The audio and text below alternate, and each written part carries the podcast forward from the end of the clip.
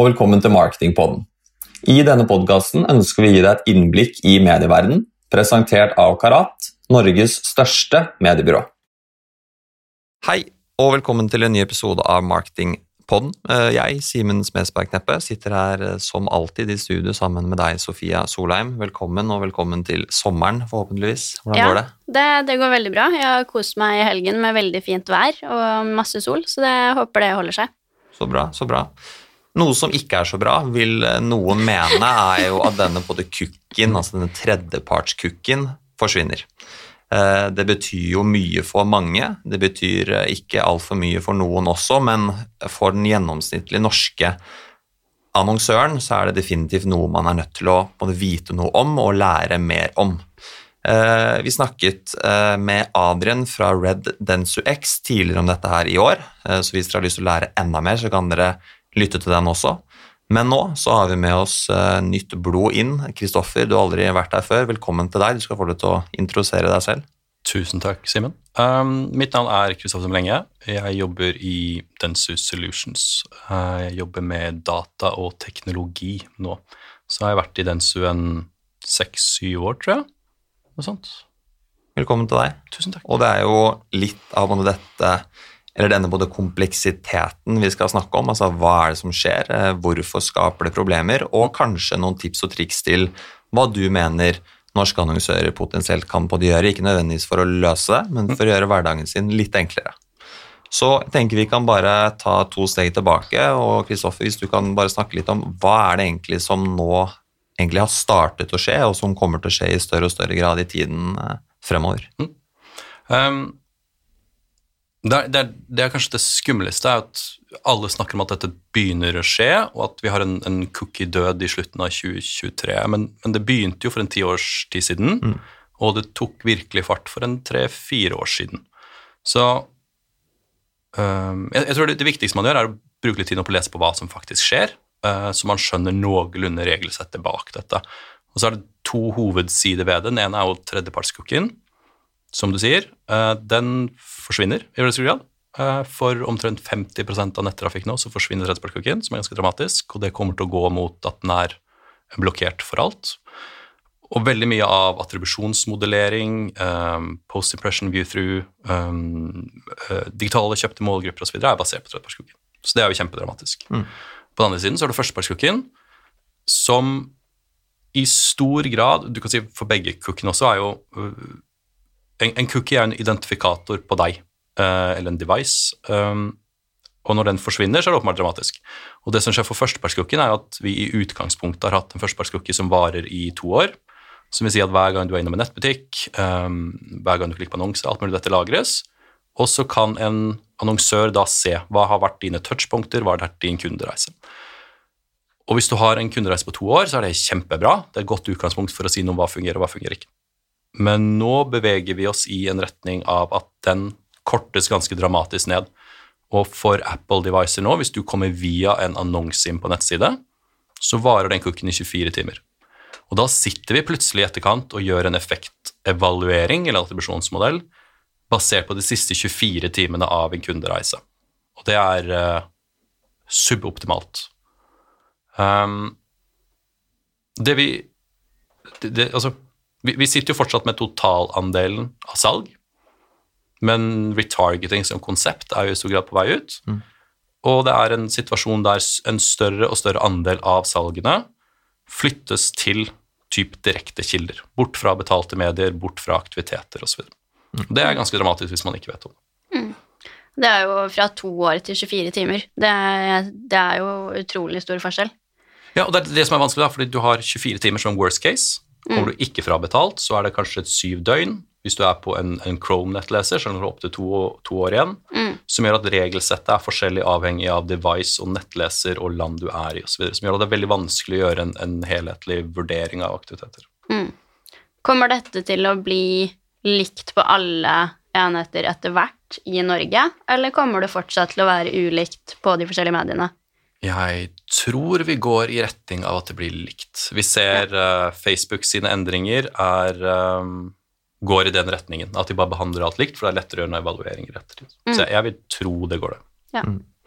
Og det her er jo så klart en type problematikk som på det kommer til å være til stede for mer eller mindre alle. Uh, hva tror du at dette kommer til å ha å si for de norske annonsørene, hvis vi skal prøve å sette to streker under et svar?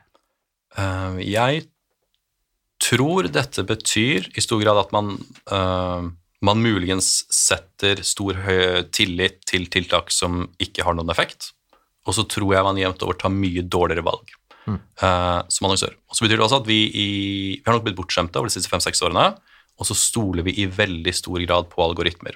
Så vi optimaliserer med algoritmer, uh, vi plasserer med algoritmer. Og hvis de algoritmene sitter med vesentlig mye mindre data, så gjør de også dårligere valg. Og jeg tror det det har vært for lite fokus på, har vært inkrementell effekt. Hvordan øker vi totalen, hvordan skaper vi flere salg enn det det var i utgangspunktet. Eh, den har vi mistet litt på, så fokuserer vi heller på eh, algoritmer som optimaliserer for det siste kjøpsøyeblikket, uavhengig av om det salget hadde kommet eller ikke. Og det tror jeg blir verre pga. det her. Hvor alvorlig tror du det her er for norske annonsører? Eh, jeg, jeg tror vi jobber i en boble da. Jeg tror det er dritalvorlig. Um, men det, det er fordi jeg bruker hele dagen på det også. uh, men jeg, jeg, så vi, vi, vi satte en diskusjon uh, for eh, noen måneder siden, og da var det en uh, markedsavdeling som vurderte å halvere markedsbudsjettet sitt. Mm. Fordi um, de så dette, dette er en, en aktør med en veldig lang kundereise. De så at halvparten av alle salg nå kom fra en um, direktekilde, Jugend Analytics. Og den evalueringen de gjorde da, var jo at uh, det er godt mulig det blir sterkere konkurranse i markedet, men vi har nå en såpass sterk merkevare at salgene kommer uansett. Da trenger vi ikke investere så mye i markedsføring. Ja. Mens realiteten er bare at dette er en, en kunde med en lang kundereise. Man gjør mye research, og så klarer man ikke å knytte sammen alle researchpunktene alle annonsene du har klikket på, med kjøpsøyeblikket. Mm. Og da begynner man å gjøre ganske alvorlige valg som kan påvirke bedriften ganske, ganske Ja. stor grad. Det er kanskje et litt dumt spørsmål, men Så det, det det betyr, da, er at hvis du har veldig mange kunder som egentlig har kjøpt av at de klikket inn på en annonse, men fordi det var for mer enn 24 timer siden, blir ikke det tracked i systemet. Så da ser det ut som at 90% av salgene kom fra et annet klikk kontra at det egentlig var Ja. Ja, så tallene lyver, da, på en måte. Ja. Ja. Så det, det er jo ehm, jeg, jeg tror uh, Og det, dette rammer jo veldig løsninger som Google Analytics, som Mm. er god på mye rart, elendig på effektevaluering. Ja. Og når vi ikke forstår at disse endringene egentlig skjer, og hvordan det påvirker dataen, og så sitter vi og tar de samme valgene basert på det som vi alltid har gjort, så er det uh, ganske alvorlig. Og det kan være ett døgn, det kan være syv dager. Uh, det har Mm. ikke så mye å si. Det er bare veldig mye av det vi sitter og ser på, som faller utenfor. Og vi Ja. vet ingenting om det. Så det blir på en måte rett og slett som du sier, ekstremt mye både vanskeligere å egentlig vite hvordan både kundereisen sin er, og egentlig da hvilke kanaler som faktisk fungerer, basert på de ulike på det målgruppekjøpene man gjør. For det er jo rett og slett selve målgruppekjøpet og plasseringen som også blir da ekstremt vanskelig. Mm. Jeg tenker jo Det sikkert alle da sitter sitter og en måte spør seg selv om, er jo da er det en løsning på dette. her? Hvordan kan vi, om ikke lure systemet, er det en annen måte vi da kan kjøpe annonsering på, eller er det en annen måte vi kan måle dette på? Har du noen både tips eh, eller triks der? Eh, ja, fra, fra, fra et målingsperspektiv så finnes det teknologi for å komme rundt en del av det. Så tror jeg Tredjepartscookien er på vei ut, den kommer aldri tilbake igjen. Da er det ingenting som kommer til å gjøre noe med det. Uh, en førstepartscookie, som er den vi snakker om i forhold til en- kundereise og effektevaluering i ganske stor grad, den kan settes på en annen måte, en såkalt service-side-måte, som gjør at den varer i to år. Uh, eller lengre hvis du ønsker det. Og så høres det forbanna shady ut. Eh, men det er den måten å gjøre det på som er anbefalt av WebKit, som er de som har laget ITP-reglene for dette. Og det er ganske enkelt, for den settes på en måte som gjør at ingen andre kan ta og se noe på den, sniffe noe på den. Så det er en tryggere måte. Ja. Uh, og den kan settes som for Google Analytics, for Facebook, uh, ads osv. Så, videre. så det er, en, det er en, en fullgod måte å gå tilbake til den verden på, og så krever det en del mer fra annonsørene. Det gjør det. Men jeg tror vel veien ut av dette er jo litt det å anerkjenne at vi har jobbet på en ganske dårlig måte i liksom jaget på disse last click-konverteringene de siste ti årene, og så må man jobbe litt an annerledes med medieinvesteringer. Og så må man se litt mer på totalbildet, og så tror jeg vi kan anerkjenne at måte, performance, den taktiske biten, har vært for viktig. Eller altså den har vært oppfattet som for viktig, så det har blitt investert for mye i det. Og så er dette en, en, en, vei tilbake. Det er, altså, det er ikke mulig å gjøre det du gjorde for to-tre år siden lenger, så vi må jobbe på en litt annerledes måte. Det tror jeg er vel så viktig. Tror du på en måte at vi kommer til å se mer merkevareløp i måte medieplaner, og mindre på en vis som sier mindre type taktiske performance-løp? Ja. Uten tvil. Altså, du, flere av de største selskapene i verden ble jo lagd før performance dukket opp. Liksom. Jeg har ingen tvil om at merkevare uh, har en så får sin comeback med en sånn slags sånn resurgence nå, og blir relativt sett viktigere. og Det er mer fokus på det, og det tror jeg er helt riktig. Mm. Um, uten tvil. Utover mer fokus på merkevare og kanskje litt redusert taktisk, hva mer tror du kommer til å skje videre?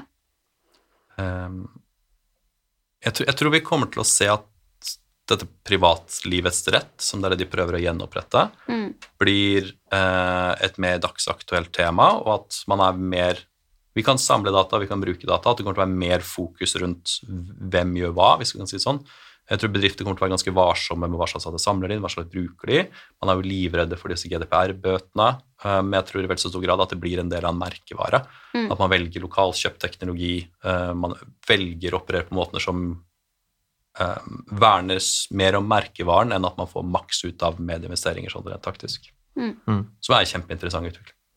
Ja, definitivt. Og ikke minst for oss som rådgivere også, så er det jo litt som sier at til nå har man jo stolt veldig mye på hva egentlig både data og datamaskiner sier, men også kanskje det er mer en tid for både rådgiveren og de kloke hodene og rett og slett måtte finne gode løsninger, og ikke lenger bare si hva er det faktisk disse tallene sier. Mm. Mm. Eh, Jeg tenker litt mot slutten her, eh, litt sånn både basert på om det finnes en både løsning. Eh, Hva ville du på en måte rådgitt dine det på en måte kunder og på en måte gjøre nå fremover? Jeg ville anbefalt å sette seg 100% inn i å forstå problematikken. For jeg tror Hvis man ikke skjønner skjønner dataen, så tar man uansett feil valg. Men, og så hadde jeg prøvd å få en oversikt over hva slags data samler vi, og hva bruker vi, og hva slags valg tar på denne dataen. Og så må vi anerkjenne da igjen at Google Analytics er dårlig på medieevaluering. Så hvis det gjelder medieevaluering, så hadde jeg gått over til modelleringsarbeid. Mm. Som vi har sett en, en massiv um, interesse for de siste uh, året eller to. Som er en veldig mye bedre beslutningsgrunnlag. Og så kan heller medieevaluering, eller medieeffekten, regnes på av den, og så kan man heller jobbe med uh, Google Analytics, det det er godt på, som er nettatferd osv. Eh, for å avslutte, hvis jeg sitter her som en annonsør og er litt sånn Hva skal jeg ta vare på av data? Hvordan skal jeg få inn den dataen? Hvor skal jeg lagre den? Uh, rundt det, da, har du noen anbefalinger der? Uh, det er uh, kanskje det vanskeligste å svare på om dagen, med dette uh, stormen ellers i Europa. Jeg, jeg tror man må ha økt bevissthet på rundt hva man samler inn. Først og sjekke hva samler du inn. Mm. Vi har gjort veldig mange sjekker sånn helt sporadisk for kunder, og de samler inn masse persondata selv om de sier de ikke skal gjøre det. Uh, vi har kunder som setter opp uh, samtykkeplattformer som ikke har noen regelsett. Så uansett hva du samtykker til eller ikke samtykker til, så samler de inn akkurat den samme dataen. Eh, så prøv å få oversikt over hva samler vi inn, og så på oversikt hva bruker vi dette til.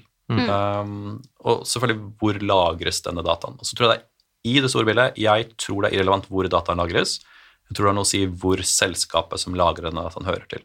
Ja. Så selv om uh, Google Analytics for eksempel, eh, kan lagre det i Europa, så er det fortsatt et amerikansk selskap. Så Ja. uh, få inn noen advokater, og så gjør noen god sånn konsekvensutredning på det.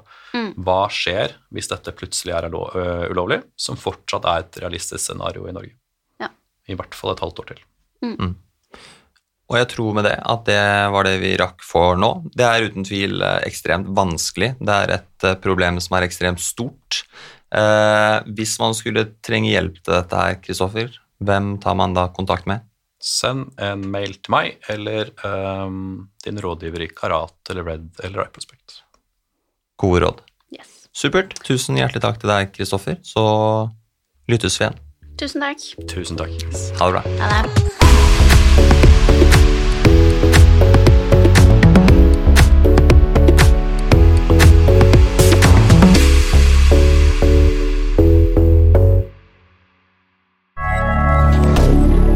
Moderne media.